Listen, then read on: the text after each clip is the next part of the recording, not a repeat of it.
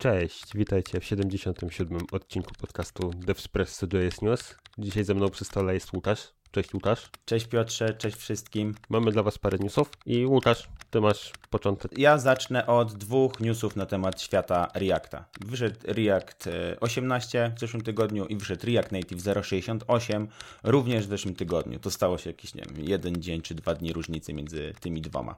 A co Ty nam przynosisz? A ja od siebie mam nowości ze stajni Google'a, czyli nowy Chrome w wersji 100 i to jest duża zmiana. Do tego Electron 18.0.0 i proposal do dekoratorów. Ale tak naprawdę do, do JavaScriptu z dekoratorami. No to zaczynamy. Devspresso. Newsy przedstawi dzisiaj Piotrek i Łukasz. Ja chciałbym zacząć od tego dużego newsa, czyli Reacta V18. I tutaj muszę od razu przyznać się Tobie, że jestem trochę zawiedziony, Piotrze. I to może nie jestem zawiedziony treściwością tego release'a, bo on jest treściwy, on ma dużo mięsa, o którym zaraz porozmawiamy, ale trochę tym, że my to wiedzieliśmy już wcześniej. Ty opisywałeś w jakimś odcinku Reacta 18RC, rozmawialiśmy o becie Reacta 18 kilka razy, o server-side komponentach rozmawialiśmy ponad rok temu i to wszystko powoli, powoli było już obgadywane, no i teraz wyszło. I też nie wszystko wyszło, ale wyszło. I wiesz co, ja tak się czuję, że my jesteśmy w trochę trudniejszej sytuacji niż na przykład e, youtuberzy, podcasterzy, którzy komentują doniesienia ze świata Apple'a na przykład. O, bo, bo ile wiesz, że wyjdzie nowy MacBook, no to jednak co siedzi w tym nowym MacBooku, wiesz dopiero jak e, Tim Cook powie na scenie, nie? Tak. A, a z takim Reactem my to wszystko wiedzieliśmy. To wszystko jest publiczne. E, przede wszystkim ja mam wrażenie, że w przypadku Reacta 18 względem innych poprzednich wersji oni o tych informacjach, które gdzieś się będą dziać i te zmiany, które mają być w Reactie 18 i teraz już są, opowiadali właśnie przez ostatni rok. A to będziemy zmieniać, a tam to będzie. Nawet ja bym w ogóle argumentował, że nawet dłużej, bo jak wychodził React 17, to wtedy wiedzieliśmy już dawno przed wypuszczeniem, że on nie będzie miał żaden user-facing features, żadnych y, nowych zmian, 17, tylko będzie Under the Hood przygotowaniem pod 18 i pod kolejne wersje. I już wtedy wiedzieliśmy, jakie mniej więcej rzeczy będą, będą chcieli wrzucić w tą 18. No dobra. E, i, i, tak przy okazji, I tak przy okazji jeszcze, Łukasz. Ja dokładnie no. pamiętam nasze spotkanie dawno, dawno temu na dev meetingsach, kiedy rozmawialiśmy sobie o suspensie i concurrent mode, że jakie to będzie super. Tak. I, I to tak długo trwało, a to było spokojnie jeszcze przed pandemią, więc wiecie, za dwa lata temu albo nawet i więcej. I to dopiero tak naprawdę teraz będzie. Więc Łukasz, the stage is yours. Dobra, lećmy, lećmy z tym, z tym update'em. Co w nim jest? Na blog postie, który polecam przeczytać, bo jest bardzo mięsisty i obszerny, e, najpierw są wytłumaczone jakieś takie główne obszary, co wchodzi. Więc wchodzi do Reacta Concurrent Mode. I teraz, żeby wyjaśnić, co to jest ten Concurrent Mode, no to musimy się przyjrzeć, przyjrzeć temu, jak React działa teraz. React teraz działa synchronicznie. Jak leci jakiś update, update, update state'u, to to wszystko jest bardzo dobrze opisane. Są reguły na to, jak ten update state'u się zachowuje. Czyli jak używasz 15 set state'ów jeden po drugim, to zwykle one powodują 15 renderów jeden po drugim. No i właśnie dzięki concurrent mode będzie można trochę inaczej zaplanować to zachowanie Reacta. Będzie można oznaczyć niektóre update'y state'u jako mniej pożądane, jako z mniejszym priorytetem, a niektóre bardziej pożądane z wyższym priorytetem. I, I dzięki temu React będzie mógł przerwać jakiś update, potem go uruchomić ponownie, kiedy jakiś ważniejszy update się stanie, albo go w ogóle zdiskardować, jeśli już nie będzie potrzebny. To jest jedna z tych feature'ów Reacta, gdzie dostajemy do tego pewne metody, pewne hooki, natomiast jest od razu napisane, że pewnie zwykli userzy nie będą tego używać, pewnie twórcy bibliotek, twórcy frameworków gdzieś to zhardkodują w swoich rozwiązaniach i tak będą userzy tego używać. Ale są te rzeczy i jeśli chcesz, to możesz. Zaraz powiem, jakie to są konkretnie hooki, bo o tym jest potem jeszcze w, w ostatniej sekcji tego blog posta. Więc to był konkurent mode. Jakieś pytania? jakieś, jakieś przemyślenia? Z mojej perspektywy to jest z mojej, z mojej perspektywy ten concurrent mode to jest bardzo duża zmiana. Przede wszystkim to jest coś, o czym pamiętam, że rozmawiałem z Frankiem w przypadku opowiadania o 18 wersji RC i tam właśnie podawałem fajny ten przykład, który oni też tu znowu pokazują, czyli filtrowanie. Przerzucanie state'a i powracanie do niego między page'ami, nie? W sensie mogę być mhm. na jednym page'u, coś sobie zrobić, przechodzić do innego i jak wrócę, to będę miał z powrotem ten sam stan. Bo mogę mhm. sobie go zapisać za pomocą concurrent model, by na, na chwilę go zblokować. Nie? No to jeszcze tutaj y, pokazują taki przykład właśnie z filtrowaniem, z sortowaniem, że dla użytkownika ważniejsze jest to, żeby kliknąć, y, żeby przycisk sortowania się kliknął, niż żeby zobaczyć wynik tego kliknięcia. Więc ty jako użytkownik klikasz posortuj według, nie wiem, cena i klikasz, ten state się jakoś tam e, update'uje, to posortowanie chwilę trwa i ty jako user, ty nie musisz zobaczyć tego state'u, żeby chcąc kliknąć jeszcze raz. Więc jak klikniesz jeszcze raz na sortuj tym razem po czymś innym, to React będzie wiedział, jeśli go dobrze zaprogramujesz, będzie wiedział, żeby tamtą operację przerwać, bo ona już jest niepotrzebna i zacząć robić coś od nowa. A w poprzednim świecie musiałeś poczekać, aż ci się ten state przeładuje na poprzednie kliknięcie. No dobra, jak to osiągnąć, powiemy, powiemy chwilę później. E, jeszcze ode mnie przemyślenia na ten temat to jest takie, że dobrze, że oni od razu mówią, e, oczekujemy, że biblioteki i że frameworki zrobią na tym jakąś abstrakcję. Bo z tego co czytam tutaj, to jeśli ludzie zaczęliby tego używać w takim codziennym kodzie produkcyjnym, produktowym, to to by stało się nieczytelne. To to by się stało. No, trochę tak jak mieliśmy bez Reacta, musiałeś operować na samemu mutowaniu domu, e, a React pozwala ci e, mutować dom abstraktując to, to teraz wprowadzając te takie bardzo, bardzo precyzyjne, e, ten set state jest ważniejszy niż ten set state, mo można doprowadzić do sytuacji znowu nieczytelnego kodu, moim zdaniem. No, to prawda, to prawda, więc tutaj ta abstrakcja to będzie pewnie naj, najczęściej coś na zasadzie there is under the hood, jakby to jest tak. under the hood i ty wywołujesz standardową funkcję Reacta typu na przykład właśnie router push i przechodzisz między, między dwoma linkami ale under the hood to właśnie będzie używany concurrent mode właśnie, żeby sobie ten stan gdzieś tam zapisać i przygotować na inne rzeczy, nie? Dobra, przechodząc do kolejnego, do kolejnego obszaru zmian. Pierwszy obszar zmian to był właśnie ten concurrent, e, drugi to jest suspense. I tutaj takie zdziwienie moje, nie wiem, może naszych słuchaczy albo czytelników tego bloga. Ej, jaki suspense? Przecież ja suspensa mam już dawno. No i tak, oni przyznają, że e, My rzeczywiście wprowadziliśmy suspensa już dawno. Suspensa do tej pory można było używać e, z React Lazy, czyli z specjalną funkcją Reacta, która pozwala robić, to, robić code splitting w pełni na kliencie, z, z lazy loadować części kompon- część komponentów, nie?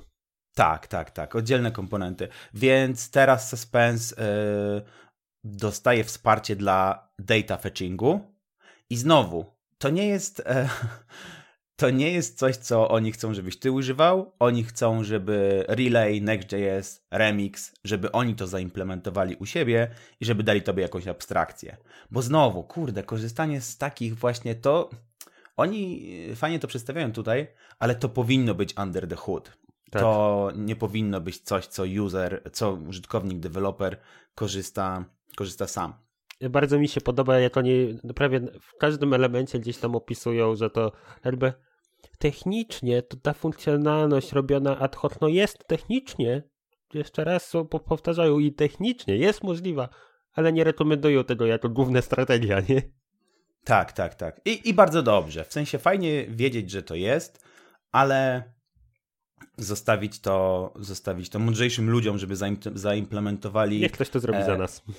Abstrakcje, które pasują do frameworków, nie? Po tak. prostu. Dobra, e, kolejną dużym obszarem, o którym mówią na swoim blogpoście, to jest to, o czym mówiłem wcześniej. O serwer komponentach mówiliśmy my w naszym podcaście w styczniu tamtego roku, czyli rok i dwa miesiące temu i trzy miesiące temu. I tutaj dostajemy update, że to jest still in development. Czyli nie ma, nie dostajemy jeszcze e, serwer komponentów w tej wersji Reacta, tylko mówią, że teraz jest jeszcze eksperymental, ale gdzieś w jakimś Reactie 18, coś wyjdzie to e, jako stabilne. Co mnie trochę dziwi, bo e, tak jak mówiłem wcześniej, gadamy o tym Reactie 18 już dużo i czytamy o frameworkach typu Next.js, które mówią: hej, my już możemy korzystać z serwer komponentów. Pamiętasz to? To było jakoś na jesieni te, poprzedniego tak, roku. Tak, tak, tak, tak. Oni, oni o tym opowiadali, że mogą i co więcej, oni nawet e, się chwalili tym, że współpracują z zespołem Reacta, żeby te serwer komponenty działały lepiej i w ogóle były no to tak, zaadaptowane to React, wszędzie. Nie? React też się chwali, że współpracuje z Nectem, Hydrogenem, Remixem, tylko że React mówi, że to jeszcze jest eksperymentalne, a Next powiedział już kilka miesięcy temu, że można. O, nie pamiętam, może było w becie też u nich, no ale okej. Okay. E, dobra, więc to były te trzy duże obszary, czyli Suspense, Server Components i e, Concurrent, React Concurrent. E, a co nowego w Reactie 18 takiego rzeczywiście, co można dotknąć? No to będziemy mieli Automatic Batching, czyli jak użyjesz kilka set state'ów po kolei, owrapowanych jakąś funkcją, no to te set state'y wykonają się jako jeden state, e, spowodują tylko jeden update. I tak, wcześniej to było już dostępne z defaultu, jeśli korzystałeś z jakichś um, funkcji jak to powiedzieć, on klików, jakichś eventów reaktowych, to React wtedy wiedział, żeby to zbaczować. Jak korzystałeś z czegoś innego, to React tego nie wiedział, ale dalej można było to wymusić, owrapowując to w jakąś specjalną funkcjonalność Reacta, której już teraz nie pamiętam. Natomiast teraz dzieje się to by default i bardzo dobrze. Cieszę się. Kod będzie A... czytelniejszy. Tak, tak. Nie trzeba będzie wrapować, dostajesz te, ten fajny feature taki performanceowy za darmo. Dokładnie. Druga rzecz, która jest nowa, to jest e, nowy feature, to jest transitions. I te transitions bardzo są powiązane z tym concurrent mode, z tym React concurrent.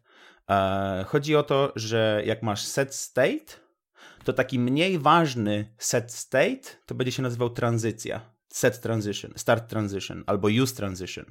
Więc jak robisz set state, use state, to to jest ten ważny set state, który ma natychmiast zupdate'ować, a jak użyjesz e, start transition, use transition, to to będzie coś, co, co będzie może mogło być spauzowane. Okay. Więc wracając do mojego przykładu z tym, z tym filtrowaniem, sortowaniem listy, twoim set state'em to będzie klik na batonie, set state filter by coś tam, ustawiasz flagę, po czym filtrować, a start transition to będzie rzeczywiście wyfiltruj tą listę. I jak user w tym momencie kliknie baton inny set state na filtruj po najwyższej cenie, a nie po najniższej, to wtedy stare transition będzie zdiskardowane i zacznie się nowe transition. Mhm.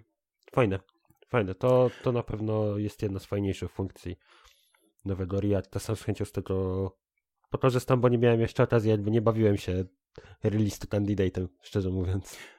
Tak, to ja też nie, no ja też nie. E, właśnie nie wiem, nie wiem właśnie, czy ja z tego skorzystam, bo to znowu mm, jest takie przysłowie, jest takie przysłowie programistyczne, że przedwczesna optymalizacja to jest źródłem wszelkiego zła.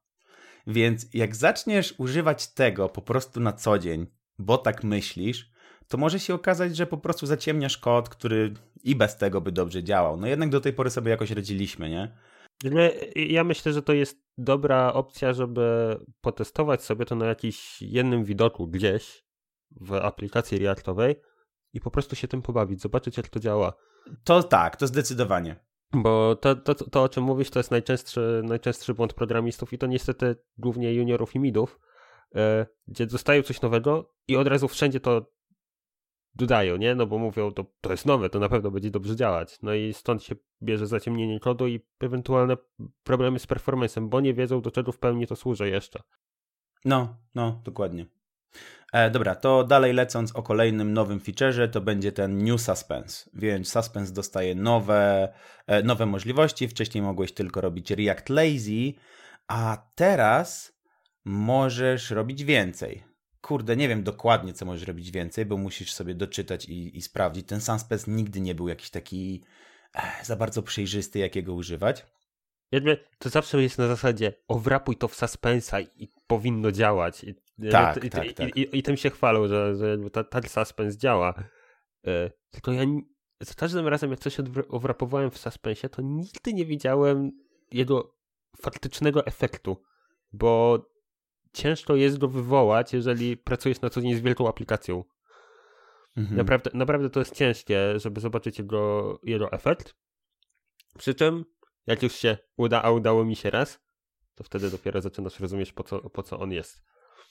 Więc. No tak, mówię, tutaj tak, no... on, on, on, nie jest taki ad hoc na zasadzie hooków i, i, i jakiejś funkcji, tylko to jest owrapowanie w komponent i dlatego on jest taki jeszcze niezbyt zrozumiały przez nas, nie? No tym bardziej, że do tej pory nie dało się, nie dało się nim dużo zrobić, e, tylko z Lazy i od początku był kierowany do bibliotek, do, do frameworków, tak. a nie dla zwykłego użytkownika.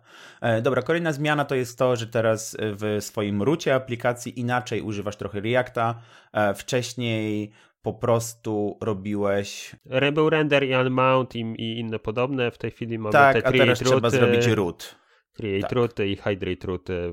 no, czyli trochę inaczej, ale z, z, drugiej strony, no to dużo się chyba nie zmienia. Tak. Jeśli chodzi o użytkowanie tego.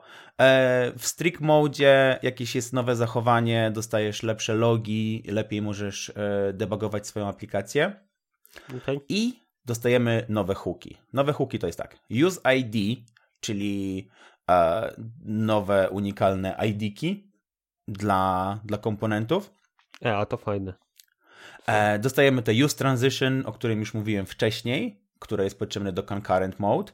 Dostajemy use deferred value i to też jest ważne do, do concurrent mode, bo w tym use deferred value mm, e, jeśli jest jakieś długie obliczenie, które zwraca ci wartość, to ten use deferred value mówi Reactowi, że ty wcale nie potrzebujesz czekać, aż ta nowa wartość się obliczy. Możesz po prostu robić swoje update'y UI-a tak jak chcesz, drogi Reactie, a jak będziesz miał tutaj nowe value, to zrób nowy update state'a, ale nie musisz na mnie czekać, aż ja obliczę e, jakąś tą konkretną wartość. No to całkiem spoko. To jest, spoko. myślę, to jest jaśniejsze niż to use transition dla mnie. Kolejnym hookiem to jest use sync external store typowo dla twórców bibliotek, którzy tworzą biblioteki, które mają coś związanego z, ze stanem, jak Redux, Mobix czy inne. Nawet nie będę tego tłumaczył, nie rozumiem, co tu jest napisane zupełnie. Natomiast kolejny to jest ciekawy. I on też jest. Um, kolejny hook nazywa się Use Insertion Effect. I ten Use Insertion Effect to jest znowu skierowany dla twórców bibliotek, tym razem dla twórców bibliotek konkretnych, bo tych, którzy robią CSS in.js libraries, ale jeśli teraz jesteś na tej samej stronie co ja, mhm. to spójrz, że oni tutaj piszą na tej stronie, że ten hook will run after the DOM is mutated. Czyli mówią, e, ten hook będzie uruchomiony, kiedy e, dopiero po tym, jak zmutowaliśmy DOM, a jak zobaczysz referencje konkretnych doków do tego hooka, to tutaj jest napisane before all DOM mutations. Więc y, React trochę się nie zgadza sam, kiedy ten konkretny hook będzie, będzie odpalany. Czy przed mutacją, czy po mutacji. Dwie różne tak, dwie sprzeczne. Różne, sprzeczne. Przy czym to, do czego to ma służyć, no to to jest tak jak powiedziałeś, dla twórców bibliotek i jeżeli kogoś interesuje CSS in.js, no to to jest coś podobnego jak użycie useEffecta, tylko stricte po to, żeby dorzucić te, te style, które, które te biblioteki injektują w odpowiednie komponenty i that's it. Tak, i też wiemy, że, że style, a że, że w całym tej kolejce wykonywania JavaScriptu style mają inne miejsce wykonywania niż y, jakieś UI update'y, nie? Więc po prostu podpinam się pod, kole, pod konkretny tam fazę e, renderowania cały ten, ten proces. Tak. Dobra. ja myślę, że, że to wszystko. Przegadaliśmy prawie 20 minut o nowym Reakcie. Chociaż mówiłem, że tu nie ma nic nowego, ale fajnie sobie to wszystko przypomnieć. E, fajnie, że to jest. Natomiast też trzeba zauważyć, że sporo tych rzeczy, które oni tutaj piszą, to mówią: OK, to jest pierwsza propozycja, to już działa. E, będziemy na to nadbudowywać. Zobaczcie, nowe feature'y niedługo w tym obszarze to jest ten szkielet, który Wam dajemy teraz. Poczekajcie na więcej ogłoszeń już od twórców bibliotek, już od nas, e, co jeszcze damy radę tu nabudować. Mhm. Spoko. Dobra to płynnie, skoro już tak gadałem 20 minut i mam rozgrzany głos, to przejdę już do krótkiego ogłoszenia, że wyszedł React Native 0.68. Tutaj dużych zmian nie ma. Mówiłem już o nowej architekturze, nie wiem, ze 2-3 tygodnie temu, miesiąc temu na tym podcaście, więc możecie sobie posłuchać tam.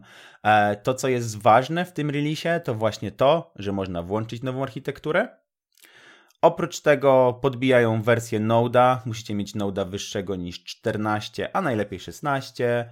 E, nowy Android e, plugin, e, Android Graden plugin teraz jest w wersji 7, co wymaga, żebyście używali JDK 11 na Androidzie. No i kilka innych podbić wersji. I to mniej więcej tyle. Dzięki. Okay. Czyli podbicie tak naprawdę różnych wersji w różnych miejscach. Tam jest ważna ta architektura. To hmm. ta wersja React Native'a chodzi o to, że nareszcie możesz korzystać z nowej architektury bez żadnych haków. I tyle. Spoko. Jak to mówić tutaj o, o nowych wersjach i nowych architekturach, to mamy nowego Chroma. I to jest bardzo gruba zmiana. Normalnie jakbym powiedział, że mamy nowego Chroma, to nikt by się nie zająknął i powiedział, e, fajnie, nowy Chrome działa, nie? What's new? Ale ten nowy Chrome ma taką konkretną liczbę i się nazywa to 100. Chrome mhm. 100 i to samo jest z Firefoxem, który też za chwilę będzie miał wersję 100. No i główny problem, który jest z tymi, tymi liczbami, z tymi liczbami wersji, e, to jest to, że to jest trzy, trzycyfrowa liczba która może mhm. spowodować mhm. bardzo dużo problemów dla twórców aplikacji, którzy bazują na numerce, na, na, na numerku, biorąc to z user agenta. Nie? No. I już par, parokrotnie było widać, jakby wcześniej Chrome już w wersji 98 e, badał, co się, co się dzieje i robili to wraz z Firefoxem, więc większość błędów udało im się, im się załatać, ale to nie oznacza, że, że wszystko. Więc jeżeli E, ktoś gdzieś coś znajdzie, to, to warto e, no warto to zgłaszać, a przede wszystkim Chrome 100 i Firefox 100 to są te ostatnie wersje, które będą przejściowe, bo ta, ta, co to znaczy przejściowe? Co to znaczy przejściowe? Właśnie. E, to jest ta, ten moment, w którym jeszcze user agent będzie unreduced, jakby jeszcze można się do niego w ten sposób będzie można dostać. I to samo będzie w Firefoxie z tego co widziałem. I, i będzie to też dotyczyć właśnie, jeżeli chodzi o numerki nie? W, te, w user agentach, bo user agent też jakby ma swój e, limit, jeżeli chodzi o znaki, nie? I, ten, i ta jedna dodatkowy, jeden dodatkowy znak, jakim jest po prostu zero, powoduje, że on się robi za długiej części aplikacji przestaje działać. E, to jest taka duperela. To jest głupie. Ale to jest głupie. ale to się zdarza. E, to się niestety zdarza, a co ciekawe, najczęściej wyciągałeś dane o użytkowniku właśnie z user agenta. Aha. Było to trudne, niewygodne. E, ewentualnie jak ktoś korzystał z JavaScriptu, mieliśmy nawigatora jako ten obiekt, w którym te rzeczy tak, się tak, znajdują. Tak, no. Teraz to się trochę zmieni i od wersji tak naprawdę już 99 ja w pełni od wersji 100 jest nowe API, które się nazywa User Agent Clients Hints i to API powoduje to, że ja pytając o konkretny element user agenta e, po stronie strony, serwer, może inaczej, serwer, e, strona mi pokazuje część elementów, bo ma w metatatach, że one są by default. Na przykład jest to platforma, mm. device może, nawet nie pokazuje no. przeglądarki. Nie? Pokazuje na przykład tylko te, te dwie rzeczy, jakim jest e, platforma i, i device. No i fajnie, ale nasz serwer, e, który chce zrobić coś więcej, prosi o dodatkowe dane przez przeglądarkę i przeglądarka zwraca mu te dane. Więc nie dostaje od razu w pełni wszystkiego, tylko może prosić o konkretne elementy.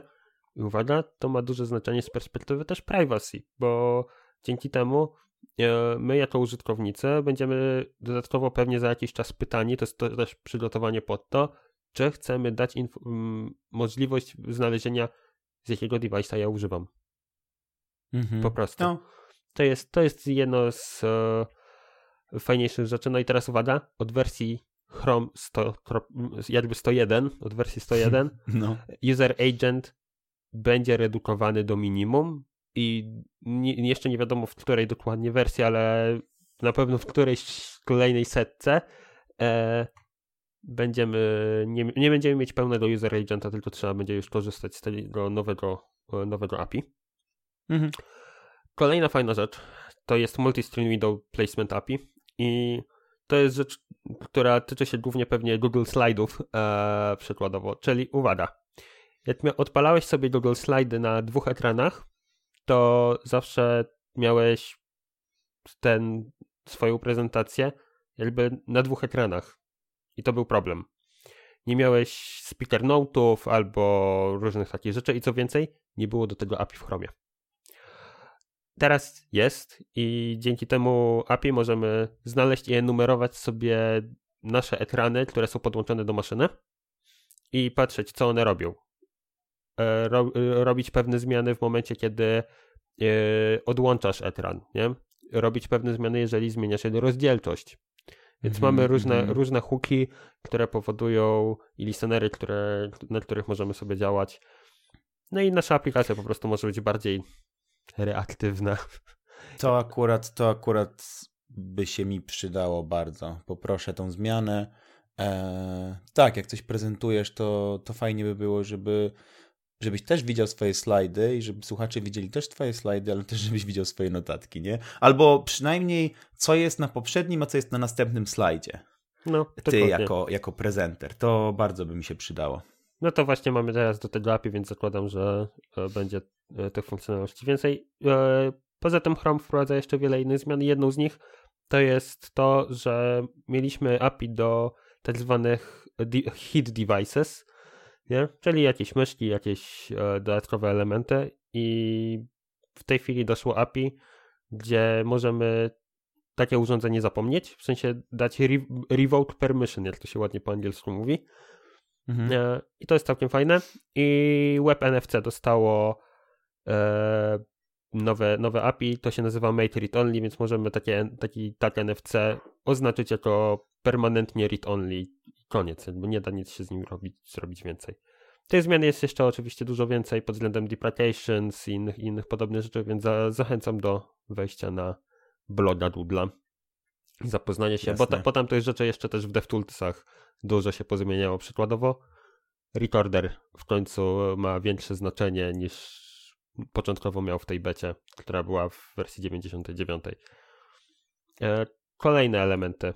Jak już powiedziałem o Chromie, to jest taka biblioteka, która się nazywa Electron i ona bazuje na Chromium. Mhm. Więc wyszedł... I czekaj, ja, ja, ja wiem, ja wiem. Eee, gadaliśmy o tym chyba z Julkiem i jakiś czas temu nas to właśnie tak olśniło, taka żarówka mi się, nam się zapaliła, że ona jest bardzo ściśle powiązana z Chromium i bardzo ściśle powiązana z V8.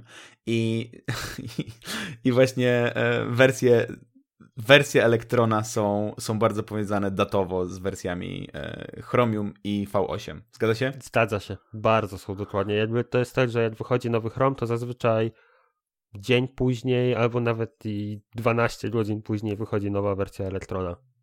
Mhm. I tak było dokładnie w tym przypadku. I wyszedł nowy Elektron w wersji 18. Co ciekawe, nie, nie wiązać z Reactem 18. mm. O, no, ciekawe. E, I przede wszystkim są tam update'y dotyczące Chromium do wersji setnej, V8 do wersji 10 i Node.js do wersji 16.13.2. I tutaj nie ma za dużo, za dużo zmian. Przede wszystkim informują o tym, że w tej chwili Electron będzie dostawał stabilny Major Stable Version co 8 tygodni. Dokładnie co 8 mhm. tygodni i oni to zaczęli robić od wersji już e, 15. Mm, I co ciekawe, od e, maja 2022 będą wspierać tylko i wyłącznie trzy ostatnie wersje. Cała reszta nie będzie Czyli wspierana. trzy ostatnie wersje to będzie 24 tygodnie, a 24 tygodnie to jest jakieś pół roku, tak? No. I, i okay. na przykład jedno, to grubo. Jedno, jedną z rzeczy, która, która jest to w tej chwili na przykład jest end of support dla wersji 14. Więc mamy mhm. wersję 18, 17, yy, yy, 17, 16, 15. Jakby te cztery wersje są na razie, ale od maja 15 pójdzie out i będą wspierać tylko Nie, trzy. ale wiesz co, to jest w ogóle super racjonalny krok. Yy, to jeśli chodzi o open source'a, to jest yy, super racjonalny krok, o tak powiem. W sensie, jak składasz issuesa do wersji, która jest trzy wersje, yy, trzy wersje wcześniej niż ta, która jest obecnie dostępna, no to pierwszą odpowiedź, którą zawsze dostaniesz, to z upgrade'u do najnowszej wersji. Dokładnie. I jeśli chodzi z Elektrona, no to on nie ma tyle dependencji pod spodem, żebyś mówił, nie, nie mogę zupgrade'ować, bo coś tam, coś tam, coś tam. E, pod spodem ma Chromium i pod spodem ma Node'a. E, jeśli używasz Elektrona, który jest roczny, powinieneś upgrade'ować jak najszybciej, po prostu. Dokładnie, dokładnie tak. No więc tam jest dużo też zmian takich, wiecie, w API. Ja chyba najważniejsza rzecz, która, która mi się rzuciła w oczy, to jest breaking change dotyczący Native Window Open. Jest API do otwierania nowych okien. I zawsze było tak, że można było sobie to Native Window Open ustawić na przykład na false, więc nie otwierało się nowe natywne okno, tylko otwierało się coś na zasadzie trochę iframe'a yy, i to było takie trochę dziwne. Więc w tej chwili yy, to, co zostało po prostu zrobione, nie można sobie native window open ustawić na false, więc nie, nie ma o, tam z boku jeszcze dodatkowego API, które tworzyło proxy, tylko po prostu otwiera się natywne nowe okno i, i tyle. Tak naprawdę jest to jedna, jedna z rzeczy, która, która się pojawiła. Tych zmian, mówię, jest trochę, więc jeżeli ktoś pisze w Elektronie, no to też warto, żebyście sobie e, zerknęli. No jasne. I ostatnia rzecz. E, taka chyba najciekawsza, która mi się rzuciła w oczy w tym tygodniu, poza Reactem. O, to mi też się podoba. No. E, czyli proposal dekoratorów do naszego pięknego języka, jakim jest ECMAScript. I ten nowy proposal jest w tej chwili w stage'u drugim. Czyli jesteśmy w miejscu, w którym jest to tak naprawdę już w pełni eksperymental i tylko i wyłącznie dwie wersje, jakby dwa stage nas dzielą od tego, żeby to było shipped i used, nie? Tak, to ja, ja mam do Ciebie pytanie i mam nadzieję, nie gadaliśmy o tym przed odcinkiem, więc mam nadzieję, że Cię tutaj e, nie postawię na scenie, gdzie nie masz dla mnie odpowiedzi, ale ja uwielbiam dekoratory. Korzystałem z dekoratorów już jakieś, nie wiem, 5 lat temu może. Nie wiem, jaki to stage proposala był wtedy, czy to w ogóle był jakiś stage proposala, czy po prostu jakiś bubble plugin. E, na pewno, tak, pamiętam. Bubble plugin Experimental Decorators, coś tam, coś tam. Tak. I na to był hype wtedy. Ja pamiętam, że um, Mobex używał dużo dekoratorów, Redux używał dużo dekoratorów. E, I to przez ostatnie lata się trochę zmieniło, nie? Przez ostatnie lata trochę od tych dekoratorów y, zaczęliśmy odchodzić, coraz mniej ich było widać, trochę bardziej się e, ten styl pisania właśnie Reduxa zmienił na, na używanie funkcji zamiast dekoratorów. I moje pytanie do ciebie jest, czemu mogłem używać tego już 5 lat temu i jak myślisz, czemu przez ostatnie, no ostatnie 2-3 lata było tego widać mało? E, z mojej perspektywy to jest tak. Jak to z każdą nową funkcją e, i nowymi elementami eksperymentalnymi. Ludzie się jarają. Przykładowo patrz na TypeScript, jak wszedł był proposal TypeScriptowy, to ludzie zaczęli go używać. Później został po prostu wydany i jasne, ludzie teraz korzystają z TypeScripta, ale prawda jest taka, że największy hype był wtedy, kiedy był w proposalu. Mhm. Takim stricte proposalu od Microsoftu na zasadzie trochę polifilii, jakichś takich elementów. To nie było tak, że oni wydali wersję 1.0 i wszyscy nadle byli happy i używali. Nie, tam było jeszcze parę bet różnych, e, różnych te, tego typu spraw i to jakoś załapało. No i z dekoratorami jest trochę podobnie, bo dekoratory w wersji tej experimental to był tak naprawdę polyfill. I ty instalowałeś sobie plugin do Babela, żeby z tego korzystać. Mhm. Tak, tak. I to był stage zero, tak, tak zwany. I w tym momencie na, to było na zasadzie sprawdzenia, czy to w ogóle ma sens. Jak dobrze... Kurde, to ma sens. Ja uwielbiam dekoratory. Właśnie. I na przykład w moim, i w moim Mobixie, moje, w moim Mobixie dekoratory też zniknęły. Oni już nie proponują, nie, nie hmm, jeśli kiedyś ich doksy opierały się prawie całkowicie na dekoratorach, to teraz opierają się na, na, na innych rzeczach. Tak, dokładnie. I to jest rzecz, która. Ja dekoratory też lubiłem. E, problem z dekoratorami miałem taki, że żeby je skonfigurować i żeby działały, to ten plugin czasami sobie z tym nie radził. I to nie było tylko zainstaluj plugin, podłącz pod i działa, tylko czasami trzeba było się zastanawiać trzy razy, dlaczego w ogóle mam jakiś problem, nie? Bo odpalam i on mi nie wykrywa dekoratora, a, naj, a najbardziej chyba wkurzające to było to, że dekoratory nie były poprawnie wykrywane przez IDE i pisałeś sobie dekorator i masz na czerwono. Okay. To, to był chyba główny problem. No więc teraz te dekoratory e, trochę powracają właśnie w wersji proposala e, do TC39 i czym w ogóle są dekoratory, bo to jest chyba ważna rzecz. Jakby my sobie, Łukasz, rozmawiamy, bo my z nich już korzystaliśmy. Tak, ja, poczekaj, ja w ogóle jak zobaczyłem je, to potraktowałem jako, je jako zupełnie coś oczywistego, bo ja zacząłem ich używać zgodnie z gdzieś, yy, właśnie z Reduxem, z Mobixem, tak jak były tam używane. Ja zacząłem pisać własne dekoratory, ja tak się zajarałem, że zacząłem pisać własne dekoratory i tak zrozumiałem, jak one działają, a dopiero później przeczytałem, czym one są, jak już zacząłem je pisać. No to dekoratory to są po prostu funkcje które odpalają się, którymi dekorujesz swoje klasy, które dekorujesz swoje pola na klasach i które odpalają się, jak próbujesz dostać się do tych klas albo do tych pól na klasach. Tak, w takim najbardziej prostym, jak ja, jak ja je rozumiem. Tak, dokładnie, to, dokładnie tak. Jakby to jest po prostu takie obrapowanie konkretnego, tak naprawdę każdego elementu, czy to klasy, elementu klasy, czy w ogóle jakiej innej formy syntaksu JavaScriptu, o konkretne elementy, nie? Za pomocą po prostu funkcji. No. I, I ona może robić różne rzeczy. Może na przykład zamieniać wam wartości. Możecie e, dostawać nowe wartości, których nie macie by default w swoim oznaczeniu, lub możecie po prostu zainicjalizować kawałek kodu za pomocą jednego dekoratora i mieć, nie wiem, nową klasę nagle za pomocą po prostu dekoratora typu reactive, nie? Na przykład. I tych, tych zmian e, dotyczących dekoratorów jest kilkanaście. Jedną z rzeczy, która jest tu w proposalu e, dodana, to jest nowy e, typ klasy, elementu, jakby nowy, nowy akcesor, czy nawet to się keyword nazywa, tak?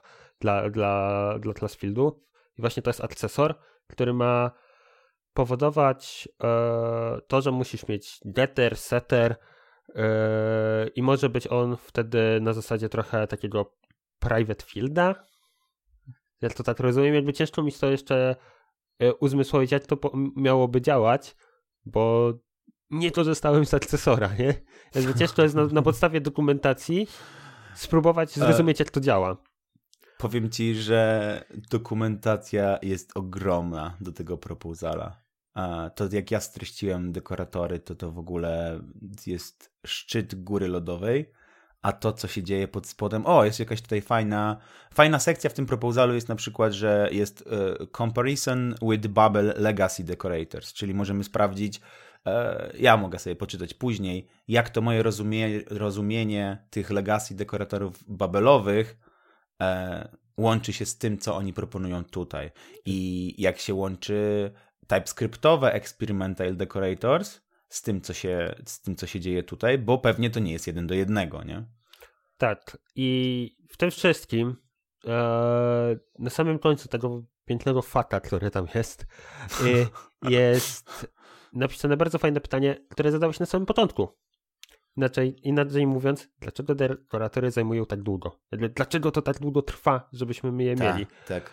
I oni tam ładnie opisują, że problem dekoratorów to jest rozwiązywanie rzeczywistego problemu w ekosystemie JavaScriptu i dlatego jest bardzo trudno dostać się do tych wszystkich osób, które zajmują się ECMAScriptem i JavaScriptem i dogadać się na jedną klarowną, poprawną, natywną implementację tego, tego rozwiązania. To jest Mhm, największy problem. Kumam. I miejmy nadzieję, że to, że to przejdzie dalej, bo ja z deklaratorów chciałbym korzystać. Jakby jeżeli one by weszły do języka, to ja widzę mnóstwo fajnych rozwiązań, chociażby w Reactie, żeby nie korzystać już stricte na przykład z hooków Reactowych, które mamy na zasadzie use. Część elementów mogą być dekoratorem po prostu. Oj, wiesz co, tu, tu ja bym się z tą nie zgodził. W sensie te hooki use, one są tak, tak bardzo tak bardzo łatwo pisalne, że to, czy napiszesz tą linijkę hooka zaraz pod nazwą funkcji, zaraz pod deklaracją, tą, czy w ciele funkcji napiszesz use coś tam, czy napiszesz ją nad ciałem funkcji z małpką, to jest takie... Ja wiem, ale dla niektórych będzie miało to znaczenie, ale chyba największe to, co widzę, to będzie na przykład w przypadku właśnie suspensa. Nie będziesz warpowywał wszystkiego w taki wielki komponent, który się nazywa suspense, tylko po prostu dasz dekorator suspense, czy tam real suspense, czy Mhm. cokolwiek i to się samo wrapuje. To, Tak, tak aku, a, akurat tak ja, ja stworzyłem swoją, swoją bibliotekę w ten sposób, że możesz dodać dekorator nad głównym rootem i to ci właśnie wrapuje w, w komponent y, mój customowy, który coś tam robi. No E, więc przykładowo więc- no higher tak, order tak, tak, components, do, nie? dokładnie, dokładnie, czyli higher order component. tak, do tego, do, tego się sprowadzały dekoratory właśnie też w, w Reduxie Tak, i w i w Mobixie. Mobixie, nie? Tak, dokładnie do tego. Przy czym, no mówię, ja jestem bardzo happy, że ktoś to chce wprowadzić. Na początku nie byłem zachwycony, jak próbowałem z tego eksperymentala korzystać, jak, jak był w Babelu. Później się nauczyłem i też tak jak ty zacząłem pisać własne dekoratory tylko po to, żeby No. ułatwiać sobie życie. No ale mówię, jakby głównym problemem tego, tego pluginu zawsze było to, że IDE nie radziło sobie poprawnie, nie? Albo czasami plugin, jakby ty napisałeś... Bo słów- ty korzystasz, bo ty korzystasz z płatnych IDE, które, które opierają się na standardach. Trzeba korzystać z VS Code'a, który jest eksperymental całe swoje życie. I on się opiera na eksperymentalnych funkcjach. I u mnie w VS Code zawsze to działało. Być może, No. być może tutaj, tutaj jest ten mój problem. Ale te, Tak, czyli, czyli, czyli główna porada z tego odcinka, która wynika z dekoratorów, korzystajcie z bezpłatnych narzędzi. Nie płaćcie za nic. tak, nie płaccie deweloperom, wszystko macie na GitHubie. Dokładnie. O, długi odcinek na wyszedł. Pięć newsów, a odcinek całkiem, całkiem gruby. Dokładnie.